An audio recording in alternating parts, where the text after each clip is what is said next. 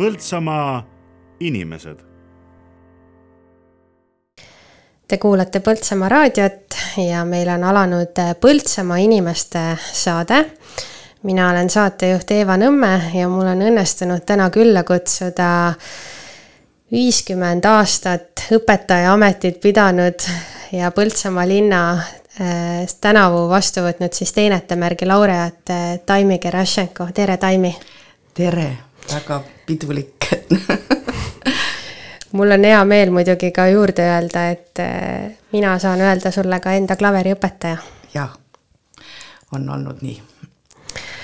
no Põltsamaa inimeste saates me ikka arutame, kuidas siis elu on äh, seni läinud ja millised on need toredad mälestused ja samas ka tulevikuvaated ja kui nüüd kerida lapsepõlveradadele, siis ei saa üldse rääkida sinuga mitte Põltsamaast, vaid me räägime hoopiski Ida-Virumaast ja lapsepõlv viib meid tagasi Kohtla-Järvele.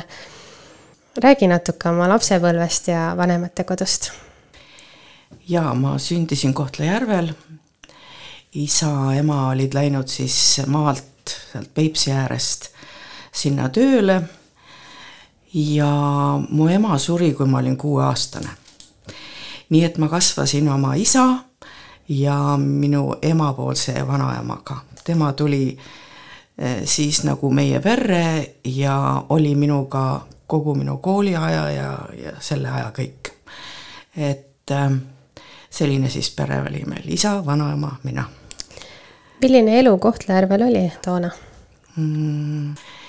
No eestlased olid sellised ettevõtlikud, isa ehitas maja meile kahekordse ja muidugi nad alustasid emaga ikka seda koos, aga lõpuks oli see ikka sai valmis siis, kui mina kümneaastane olin. ja, ja ma ei tea, tollel ajal ei olnud isegi ehitusmaterjali poest müüa, aga see oli kõik niisugune sahker-mahker niimoodi tehti neid asju. aga peab ütlema, et kogu see ümbruskond, need kõik eh, lapsed, kes terve meie tänaval, ma olin Tallinna tänaval näiteks, kõik olid venelased. nii et mul oli üks ainukene pere oli veel eestlasi, kaks tüdrukut oli veel, kes me siis mängisime eh, omavahel ja, ja siis olid nagu eestlased. et eh, ümbritses mind vene keel igal pool. nii ütleme kauplustes kui tänaval, kui hästi palju oli vene rahvusest ikka inimesi. aga see eesti kogukond, kes seal oli, nemad nagu hoidsid väga kokku. sellepärast oli näiteks noh, minu isa oli niisugune lihtne tööinimene, aga tema tutvusringkonnas oli seal üks endine ooperilaulja Tony Kroon näiteks, kes oli saadetud Siberisse ja pärast ei lubatud tal Tallinnasse enam tagasi tulla. ta saadetigi nagu Kohtla-Järvele, ta oli meil siis muusikakoolis õpetaja. seal lubati siis töötada ja tema vist oli see, kes ma arvan, soovitas mind ka näiteks, et või isale, et, et pane tüdruk muusikakooli sest ma ei tea, kas isa ise oleks selle peale võib-olla tulnud või mitte, ei ole kindel. aga see jah, see kogukond või see seltskond, kellega isa nagu siis äh, seal läbi käis ja need olid niisugused intelligentsed ja, ja sellised äh, eestimeelsed inimesed, mu isa ise ka. et ikka näiteks iga kord ta tõi jõuludeks kuusekimme, alles oma lastega just rääkisingi. jõuludeks läks ikka kuskile sinna lähedale metsa ja tassis ta niimoodi kohale, siis pandi küünlad äh, külge, siis pandi tekid äh, akende ette, et see välja ei paistaks, eks aga see meelsus oli niisugune väga eestimeelne, nii et kui mina ikka südamest tahtsin pioneeriks saada, sest kõik ju astusid, eks. Eh, siis isa ütles, et oi, vaata seda punast kaelarätti siia koju küll ei tooda. aga no nii kaua ma nutsin, kuni ma sain ja aga vaata komsomoli, komsomoli ma enam ise ei tahtnud astuda, siis oli juba see arusaamine sellest, mis on päris ja mis on niisugune propaganda ja kõik see, see hakkas jõudma pärale nagu. aga no ega see pioneeritöö siis seda ütlevad teisedki, eks ole, et ega seal midagi halba ei olnud, aga no eks see niisugune ajupesu käis asja juurde, aga oli huvitav ka. mis ametit isa pidas? Isa oli, alguses oli ta ehitaja ja pärast oli seal keemiatehases oli lukksepp. ja vanaema? vanaema, ma ei oskagi öelda, kas temal niisugust kindlat elukutset just, kas ta midagi õppinud oli, vot ma ei teagi nüüd, aga ta töötas turu peal, ta oli nagu niisugune veterinaar, arsti abiline või mingi selline koht oli aga ema oli mul õpetanud äh, Tallinnas majanduskooli ja tema oli käsitööinimene. nii et tema kitsam eriala oli just kanga kudumine, nii et ma olen äh, lõpuks siin Põltsamaal tema jälgedes ka natuke astunud, et et see tuli vist geenidega kaasa siis millise õpilasena sa ennast tagasi vaadates meenutad? Äh, ma olin tubli tüdruk, igat, igatipidi, et mul ikka olid head hinded ja ja lõpetasin kaheksa klassi, seal oli üks eesti kool, kaheksaklassiline kool. ja siis oligi küsimus, et noh, kas minna edasi siis keskkooli või siis kuna lõpetasin samal aastal siis muusikakooli klaveri eriala ka, siis oli võimalus ja mõte, et läheks siis äkki edasi õppima aga kellest ikkagi see muusikapisik, et kui isa oli ehitaja, ema kangakuduja ja vanaema hoopis muul ametil? Aga nemad olid sellised, ütleme, sündinud muusikud, kuigi mitte õppinud. isa mängis ise kuulmise järgi akordionit ja see emapoolne suguvõsa, e, seal on hästi palju niisuguseid muusika, noh, muusikaga tegelevaid inimesi ja isegi mingi äh, vanaema vend, kes kunagi sattus Venemaale ja jäigi sinna, siis isegi tema järeltulijad on tuntud viiuldajad ja tulid siia kunagi külla, kui meil laulupidu oli, siis selgus, et kõik on peaaegu seal muusikaga tegelevad, et ju see jah, kuskilt nii ema kui isa poolt on vist natuke tulnud.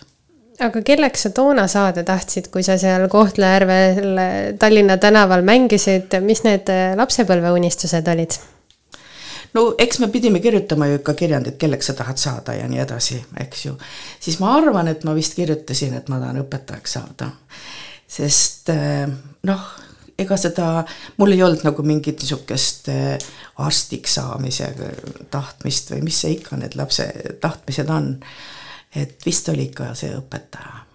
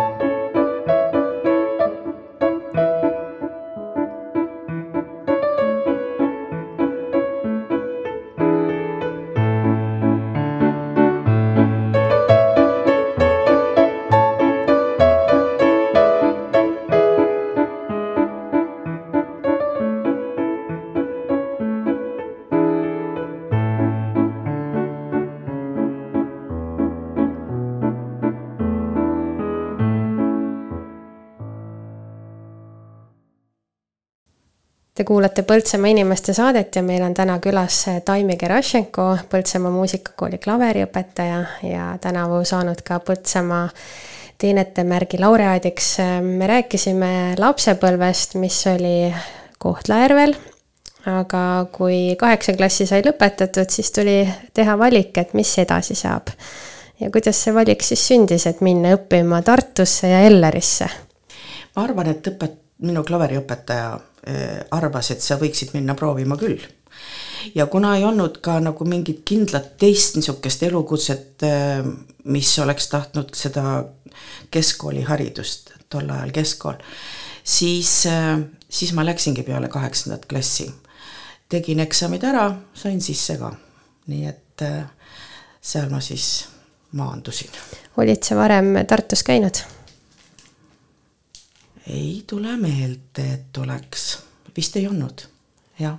aga mu vanaemal oli seal mingisuguseid äh, oma noorusaegseid tuttavad, äh, tuttavaid ja, ja nende sõbrannasid, nii et nad organiseerisid mulle siis mingi korteri seal Äh, ja, ja nii ma siis jäin ühe vanaema sõbranna juurde alguses korterisse ja, ja olin seal. Kas toona isu minna omapäi kuskile teise linna, kus pole iialgi käinud, mäletad sa seda aega oma elust, mis mõtted su peas siis olid? ma äh, mäletan seda, et äh, ma nüüd ei imesta ka praegust noori inimesi, kes arvavad, et nad väga hästi ise teavad, mis nad teevad neil ei ole vaja mingisuguseid nõuandeid. Ma mäletan, et ma kuueteistaastaselt kusagilt olin ikka väga iseseisev ja ise arvasin, et ma tean kõike ja oskan ja saan hakkama ja ei ole vaja mind õpetada, kuidas elada. nii et eh, see tunne on mul meeles, et eh, ma olin niisugune iseseisev inimene ja kui õpingud siis Elleris hakkasid, siis äh, kuidas minema hakkas, kas kõik tuli lihtsalt ja loomulikult?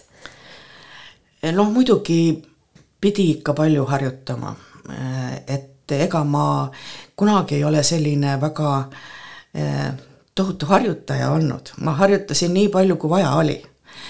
Eks, ja, aga mulle meeldis mängida mingeid muid asju, ütleme, et Eh, võib-olla see, millega ma nüüd ülejäänud elu olen tegelenud, see niisugune eh, saatmine ja, ja, ja niisuguste laulukeste mängimine ja kõrva järgi mängimine ja vot see mulle meeldis.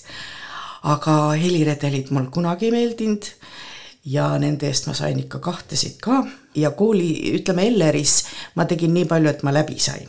et näiteks need heliredelid ja kõik muud, aga mul oli ikka paremaid hindeid ka, et nii et et sain hakkama, aga ma mäletan seda tunnet, kui ma olen ükskord jõudnud sinna neljanda kursusele ja hakkas lõpueksam tulema, siis ma ei olnud kunagi nii palju harjutanud, kui ma siis pidin. Ja õpetaja andis mulle ka ühe väga keerulise Liidi Austeri klaverikontserdi mängida, kus oli, see oli peaaegu nagu Tšaikovski esimene klaverikontsert, kui kui keegi teab, niisugune suurte akordidega tohutu raske, oi, kuidas mu käed valutasid, kui ma sealt Lätte mäest üle, alla ja üles käi-, kõndisin.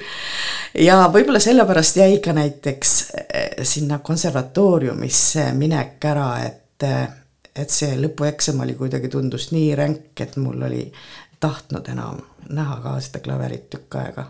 aga noh eks see oli, oli selle viga võib-olla ka ikka, et, et kui sa kogu aeg ei ole niisugune väga tubli harjutaja olnud, eks ja siis äkki on vaja nii palju, siis ütleb füüsik, füüsis üles. kes olid Elleris need äh, suunajad või nõuandjad, keda sa senini nagu mäletad? minu õpetaja oli Aime Karm.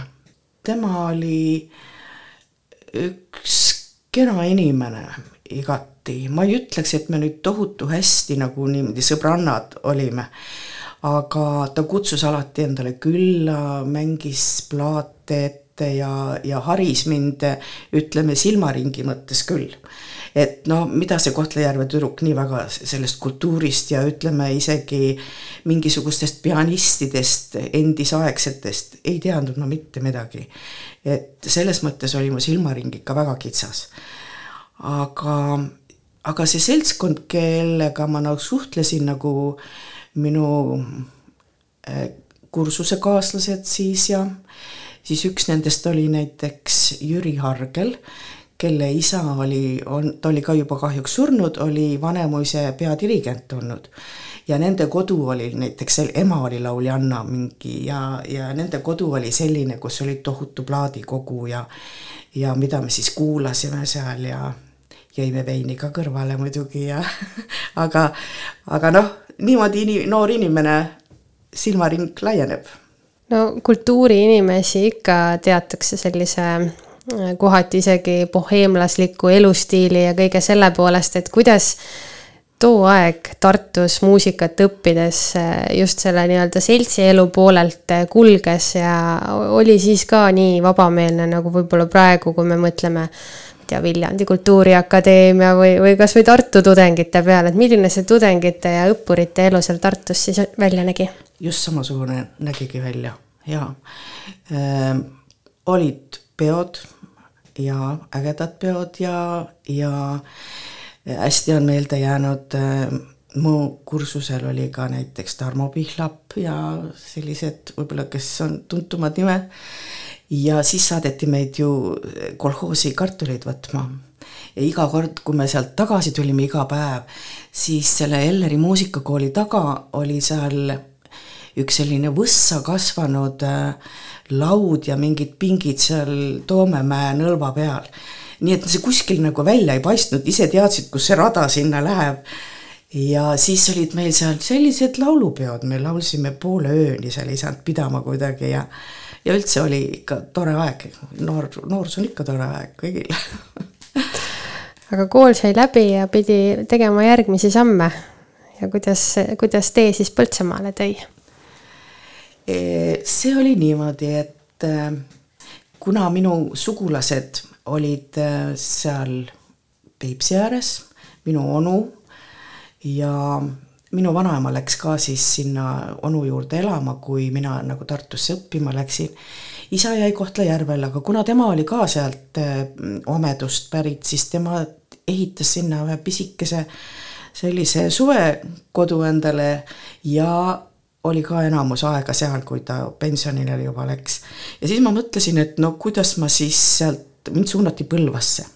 et kuidas ma sealt Põlvast siis nüüd läbi Tartu äh, ringi istumisega, bussiga ma ei pääse mitte kuskile, sest väga, väga bussid olid täis tol ajal, kõik sõitsid igale poole. raske oli piletit saada ja kui sa pead veel ringi istuma, siis ei olnud seda ette ostmise võimalust ka, nagu praegust on.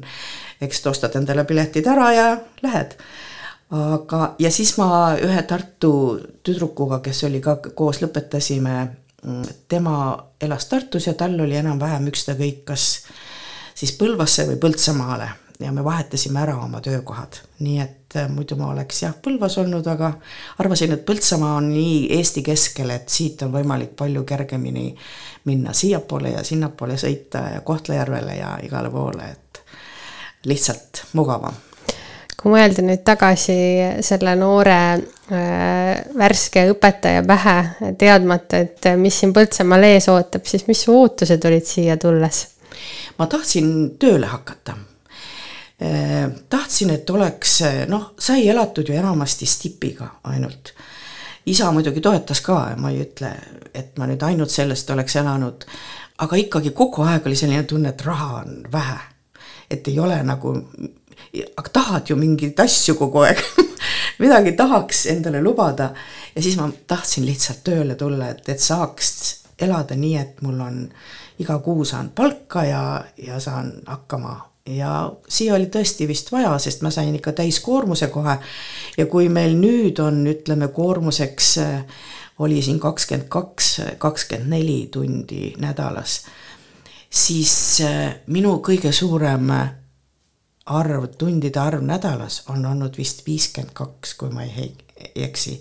aga see oli tänu sellele, et ma kedagi asendasin klaveriõpetajatest, kes vist oli lapsega koju jäänud, et see võib-olla ei kestnud tervet aastat, võib-olla ehk mõned kuud või pool aastat, aga, aga koormus oli palju suurem.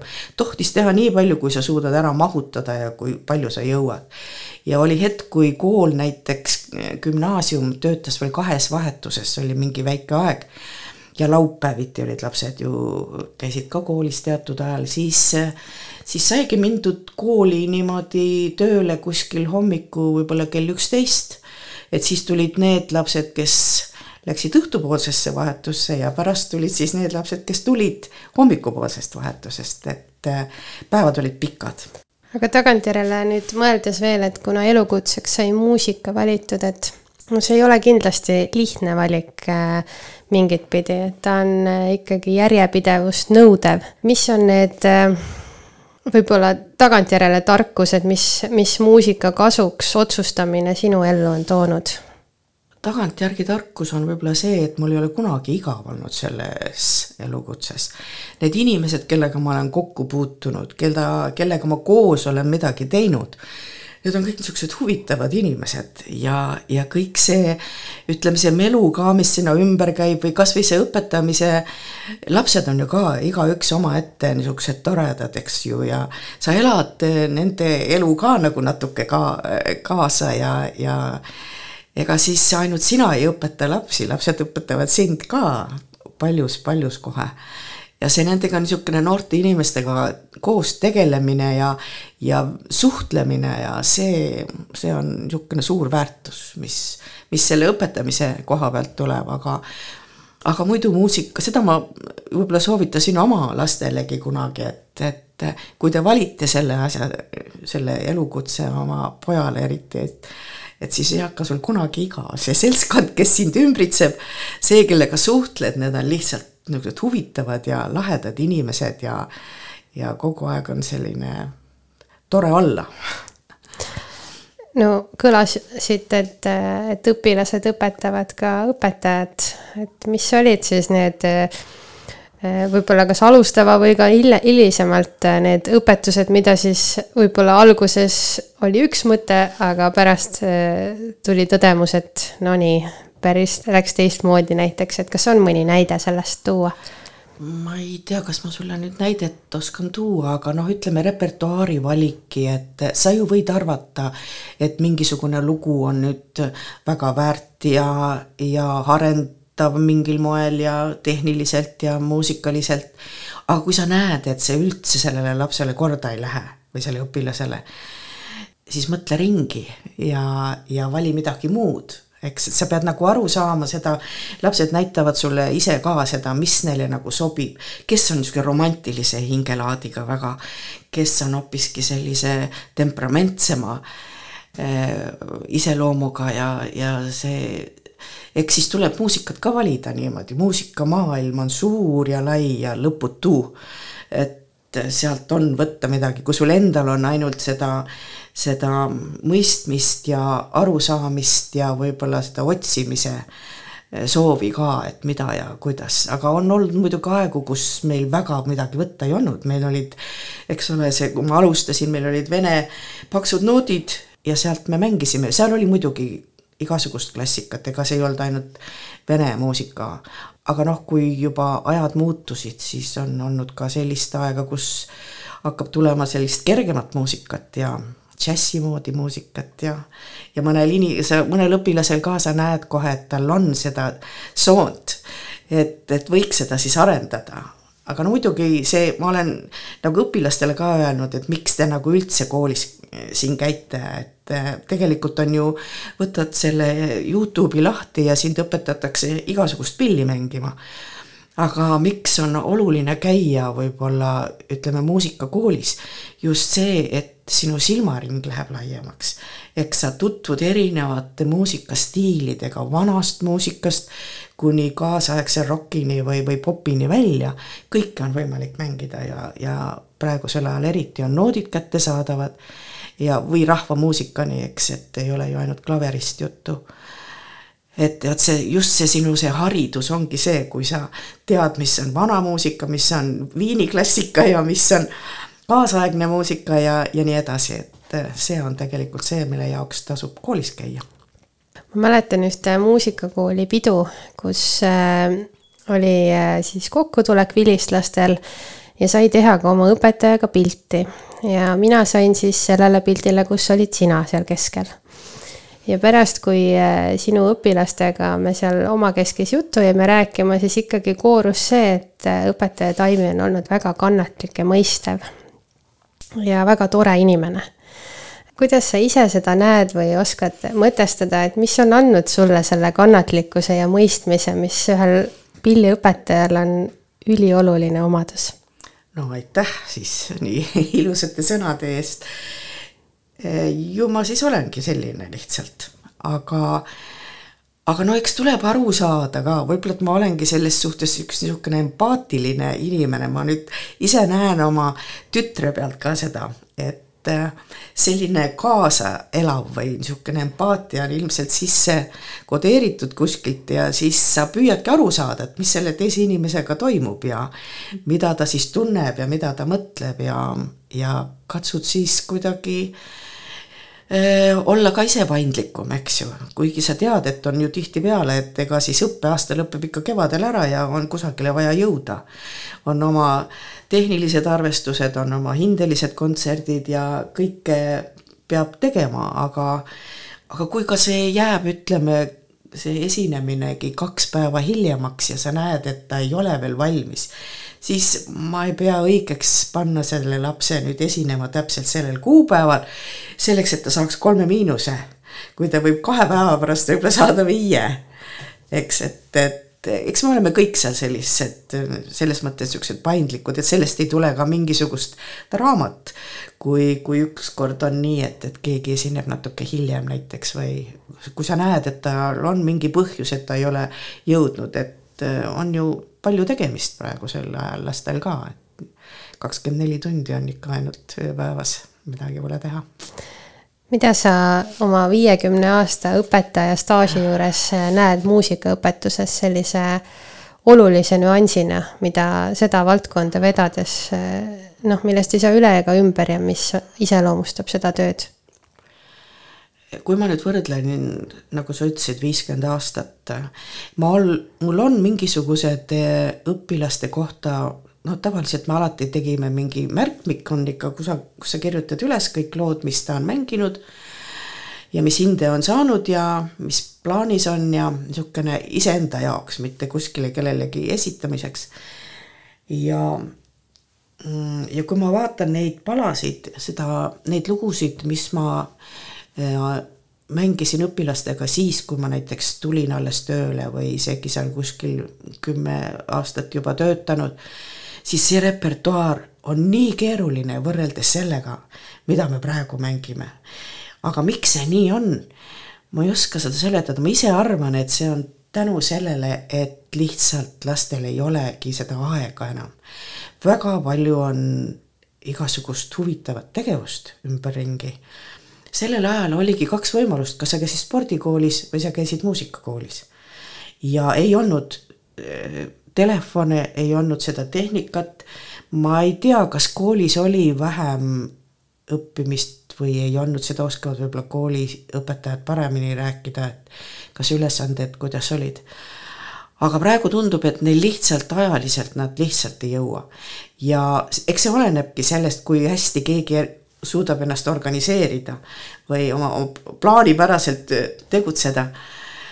et, et tahetakse igal pool käia ja see on mõnes mõttes arusaadav ka. aga siis, kui ei ole aega harjutada, siis ei saagi keerulist repertuaari võtta, eks ole.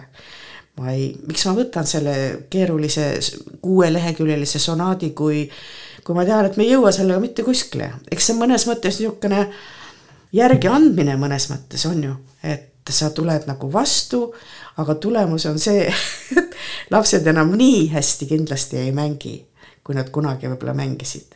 jah, sellise tehnikaga, sellise koormusega nad enam ei suuda töötada praegu.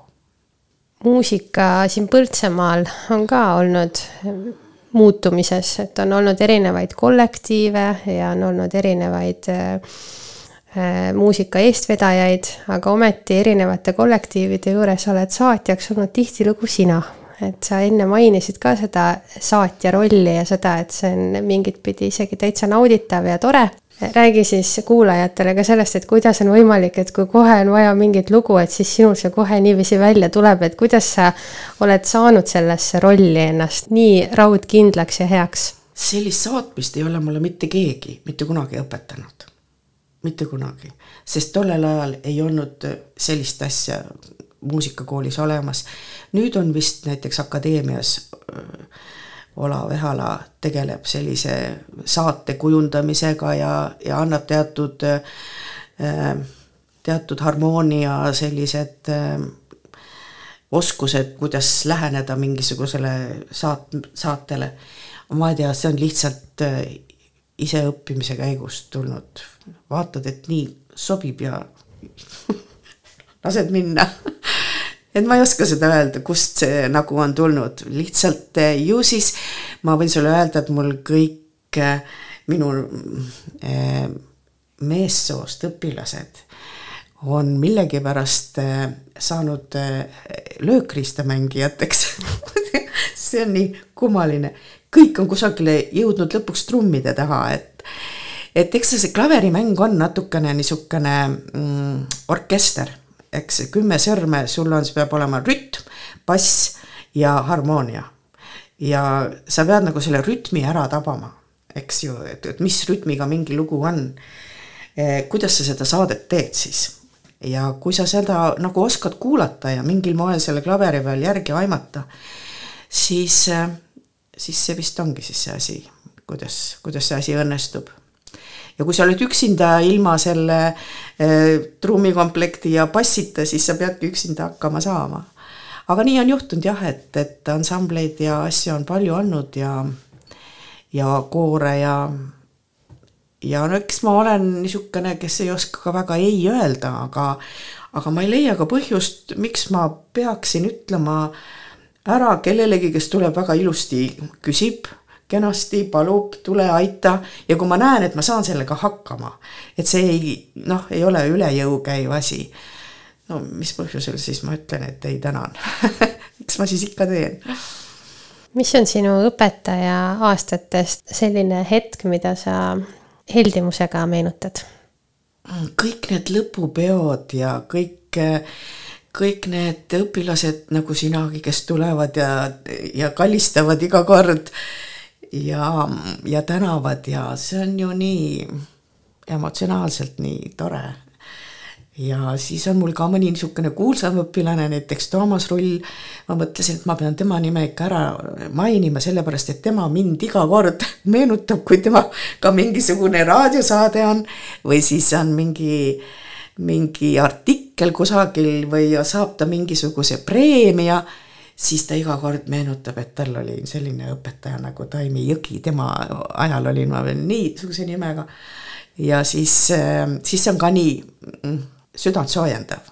ta saadab alati kõik oma plaadid, mis ta on välja andnud ja ja eks on teisigi selliseid õpilasi, kes äh, võib-olla ei ole nüüd nii tipus, eks oma, oma tööga, aga lihtsalt kasvõi siin tänava peal tulevad vastu ja, ja räägime juttu ja nii tore jälle näha ja no niimoodi koguneb ju aastate jooksul.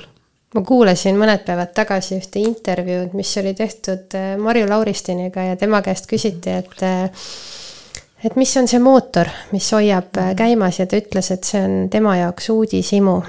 mis sinu mootor on muusikas tegutsedes? Ma ei tea, kas see uudishimu nüüd on, aga võib-olla see niisugune koos tegemise soov või. ja kui tuleb välja ka, kui õnnestub ka, eks ole, kui tekib selline, selline mingi tunnetus, et ah, nüüd tuli küll hästi. või noh, et lihtsalt asi klapib kuidagi, et äh, vist see tunne siis, et äh, sa saad veel hakkama, muidugi minu eas on juba see ka tore asi ja vist see selline koos, koostegemise tunne, ma arvan. ja kasvõi näiteks kooli juures ka see meie kollektiiv on ka niisugune suurepärane, et sinna lähed iga päev suure rõõmuga ja niisuguse hea tundega, et, et lihtsalt koos on tore olla Põltsamaa muusikakooli käekäiku vaadates, siis sina oma väärika staaži juures, kas sa tunned, et Põltsamaa muusikaelu on, on helge tulevikuga? Noh, kes seda kõike teab, mis see elu ja, ja meie ümbritsev maailm siin teha mõtleb. aga kuidagi praegust on nagu natuke stabiilsus ära kadunud, et kui oli kaua aega niisugune kindel äh, kindel liin ja kindel koht ja, ja nii edasi äh,, siis praegust on võib-olla tänu sellele kolimisele ja ja võib-olla ka muudele muutustele seal veidike on nagu selline kahe vahel olek, aga ma ei arva, et, et see asi nüüd peaks mäest alla minema kusagile, et küllap kogub veidike ja siis läheb hoogsalt jälle edasi, sest ega meil ei ole praegust midagi ju katki läinud, eks. et samamoodi õp-, tublid õpetajad töötavad edasi ja, ja väga soovin, et, et äkki leiduks keegi noor inimene, kes tahaks panustada jälle siia klaveriõpetajana ja saatjana ka, et, et meil on seda väga vaja, nii et kui teie tutvusringkonnas nüüd on keegi selline inimene, kes otsib endale head töökohta, siis äh, siis on väga oodatud, selline, selline üleskutse tuli ka. Jah, ja ma arvan, et äh, kõik saab, äh, saab paremaks minna, kui praegu on. meil on sinna ruumid tehtud ja ruumid on ju osaliselt väga kenad, aga kahjuks on seda vähe. me oleme poolenist, mõned õpetajad, ma ise ka sealhulgas jagasin ühte klassi ja kui ikka teine õpetaja teeb terve päev tööd, siis mul ei olegi lihtsalt kuskile minna. et meil oleks suur ruumi vajadus juurde, et need toredad klassid, mis sinna kolmandale korrusele tehti, on imehead, aga probleeme on ka palju veel mis on äh, selle kogu, kogukonna juures või, või Põltsamaa inimeste juures seda, mis ei ole lasknud äh, sul ka pärast viitekümmend aastat siin õpetajana töötades ära minna? ma mõtlesin selle peale ka, kui sa kutsusid mind ja ütlesid, et räägi midagi Põltsamaast ka. mul on selline tunne, et on teatud kohad, teatud linnad, kus on nagu mingisugune, mingisugune läbi aegade mingisugune oma joon või, või mingisugune oma teema, mis tuleb hästi välja ja kus on sattunud kogu aeg sellised inimesed, kes veavad edasi seda ühte ühte asja, mul on tunne, et see Põltsamaa on niisugune muusikalinn ja muusikute ja, ja, ja selliste koorijuhtide ja orkestrijuhtide ja ja need satuvad inimesed, kes kogu aeg seda järjepidevust nagu edasi kannavad. on ju mõned linnad nagu Haapsalu, kes on sallitegijad, tulid ja, ja on sellega nagu järjepidevalt tegelenud ja hästi hakkama saanud, aga mul on tunne, et jah Põltsamaa on niisugune, seda muusikakultuuri ja seda järjepidevust võiks siin ikka hoida küll nii palju, kui nendel eestvedajatel ja, ja meie juhtidel siin kannatust ja, ja tarkust jätkuks, et siis see oleks asi, mida toetada.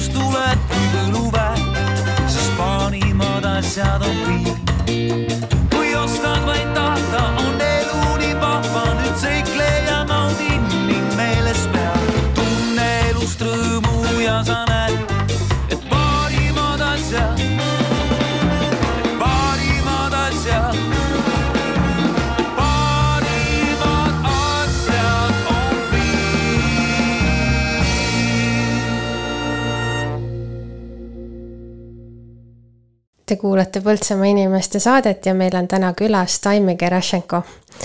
ja kui me jõudsime rääkida lapsepõlvest ja, ja klaveriõpetajaks saamisest ja ametist endast, siis äh, intervjuu lõpuosas räägime natukene ka perekonnast. Teie peres on äh, kaks last, Peep ja Katrin. kuidas nii on läinud, et mõlemad on äh, kuidagipidi seotud muusikaga, kas siin on ema, ema soovitus või nende enda valik? Eks ta ole seda ja teist ilmselt, aga noh, natuke eeskuju ikka loeb midagi. et ähm, Katrin jah, läks isegi alguses Elleri kooli, aga aga siis tema praegune elukaaslane Hannes oli Tallinnas ja nende omavaheline suhtlemine oli natukene raske, kui üks on Tallinnas ja teine on Tartus. nii et ta siis vahetas oma, oma õpingut ja läks siis äh, Tallinna Pedagoogikaülikool oli tollel, Tallinna Ülikooli. aga ikkagi valis muusika ja orkestri juhtimise veel koguni. Aga kuna ta siis pärast tegi magistrit eh, ka veel ja, ja, ja siis ta sai tööle ähm, siis nagu kellegi asendajana Lasnamäele ühte kooli ja last, see on lasteaed algkool ja see on selline kool muusika siis õpetajaks, see on selline kool, kus on palju eh, puuetega lapsi.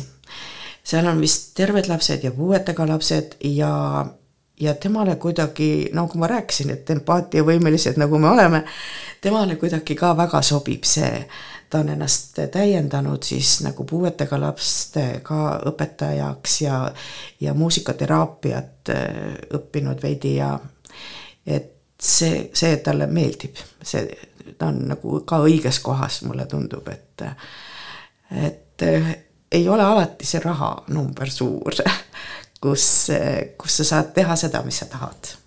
see on oluline. ja Peep? ja Peep läks siis trompetit õppima ja läks, lõpetas ka akadeemia.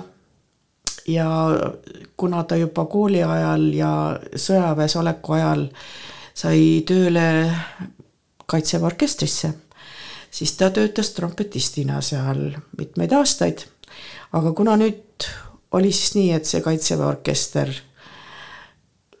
pandi nagu muuseumiorkestriks ja, ja seal oli lagunemine suur, siis kellel ikka oli oma pere ja kellel ei olnud teist töökohta kusagil, siis äh, need äh, läksid sealt orkestrist ära. nii tema ka, nii et aga kuna ta vahepeal käis sõjaväe või nojah, kaitseväe mm, logistikuks veel õppima ja ta töötas seal orkestri juures ka nagu orkestri logistik, siis nüüd ongi tema eriala hoopiski kaitseväes logistik, nii et ta töötab hoopiski Paldiskis praegu. mis on olnud need äh, traditsioonid, mida teie pere on äh, järginud, saate te mingitel aegadel kindla peale kokku või, või milline teie pere selline kooskäimiskord on? no mul on kõigepealt neli väga toredat lapselast, jah. Nemad on ikka see elu äh, kõige tähtsamad ja, ja mu oma lapsed ka, et, et töö on tore ja ja muusika on tore ja õpetamine on tore, aga, aga tähtsuse järjekorras on nemad ikka kõigepealt.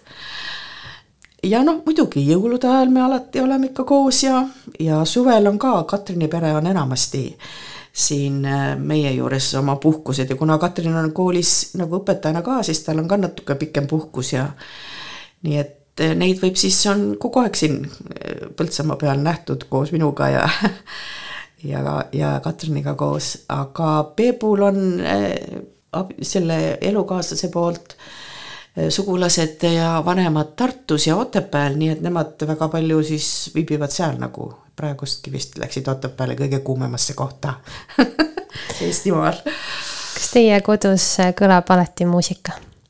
Mm, vaata, see on see, see pagari ja, ja see saia küsimus, et äh, ma saan oma rahulduse ja oma vajaduse kooli juures seda muusikat tehes ilmselt rahuldatud. ma väga ei kuula muusikat kodus, ma ise ka väga ei mängi. kui mul on vaja tõesti minna kusagile esinema ja ma ei saa kooli juures neid asju harjutada, näiteks seal, eh, siis, eh, siis ma tõesti mängin ikka mõnikord kodus ka. aga, aga suhteliselt harva, nii et minu klaver on häälest ära ja nii nagu ikka juhtub.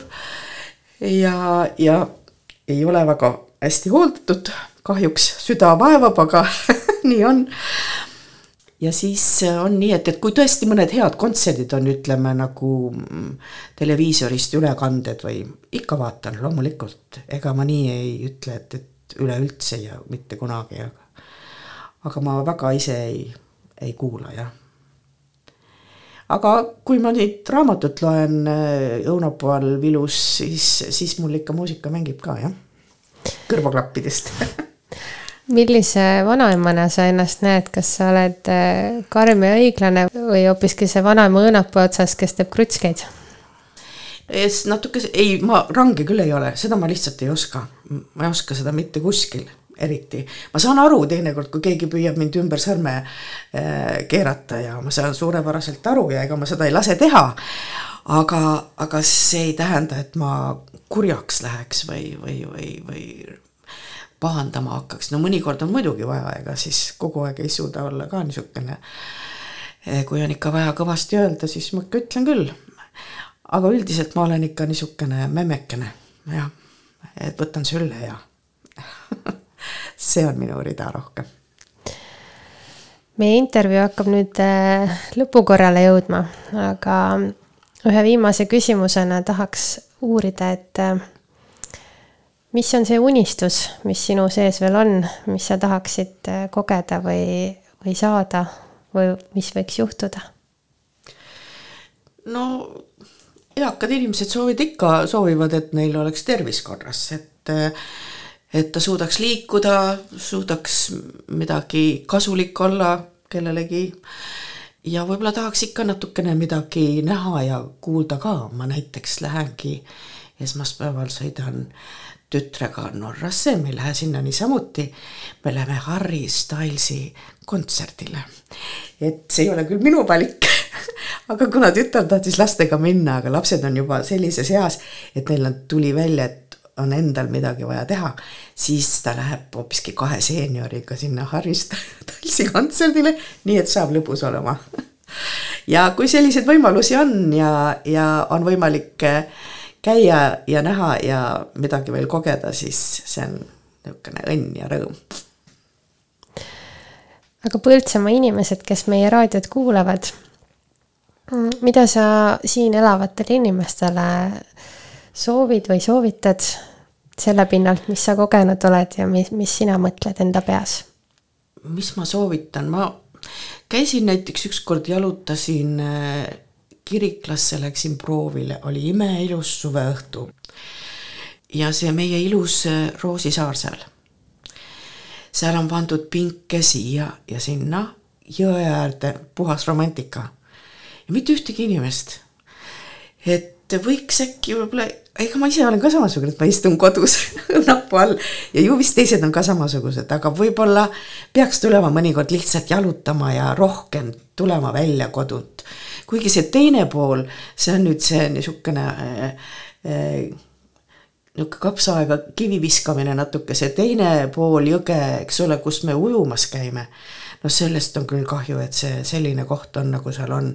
käisin lastega või õigemini lapsed käisid ise ja ütlesid, nii palju konisid ja süstla otse on maha loobitud, et ei ole kuskile astuda et kas siis peab olema, ma olen siin viiskümmend aastat olnud ja igasuguse eh, selli-, erineva eh, valitsuste all on kogu aeg mingi jõe ääre uus projekt ja teeme jälle jõe ääre korda, nii edasi, kuni sinna eh, Naiste saareni sinna või.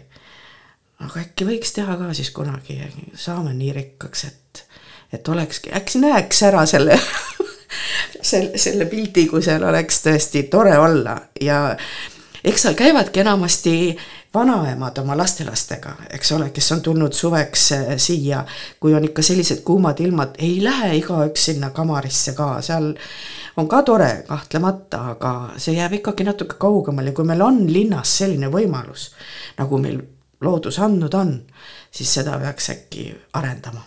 ma loodan selle peale. Aga tahaks tervitada ka siis oma endiseid kõiki õpilasi ja, ja, ja sõpru ja kõiki neid, kellega me oleme koos musitseerinud, koorid ja, ja muud ansambli kaaslased ja nii palju toredaid reise on meil olnud ja lahedaid nalja on saanud hullult.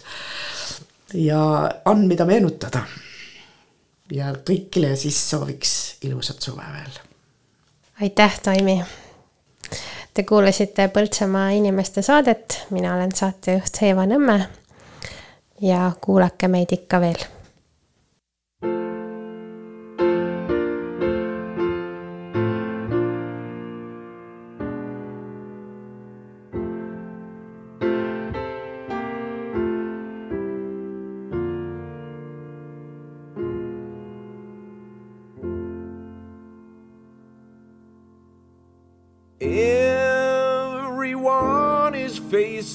changes. No one knows what's going on. And everyone is changing places. Still, the world keeps moving on.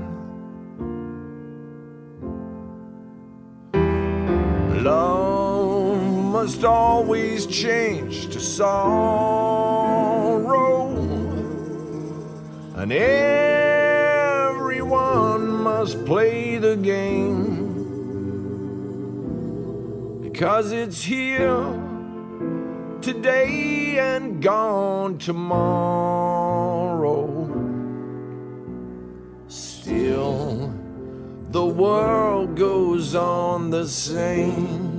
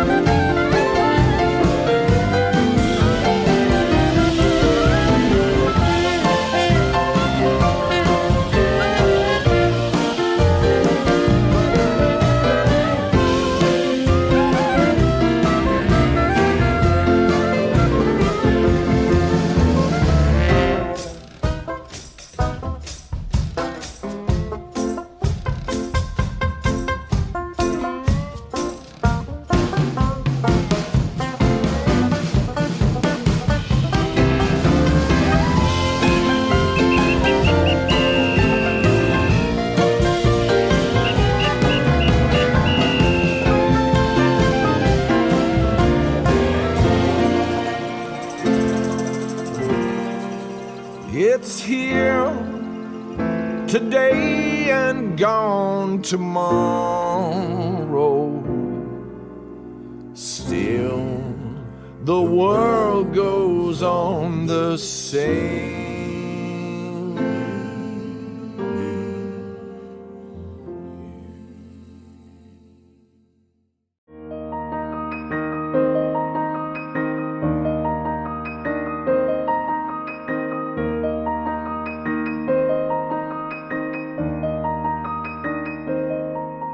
Põltsamaa inimesed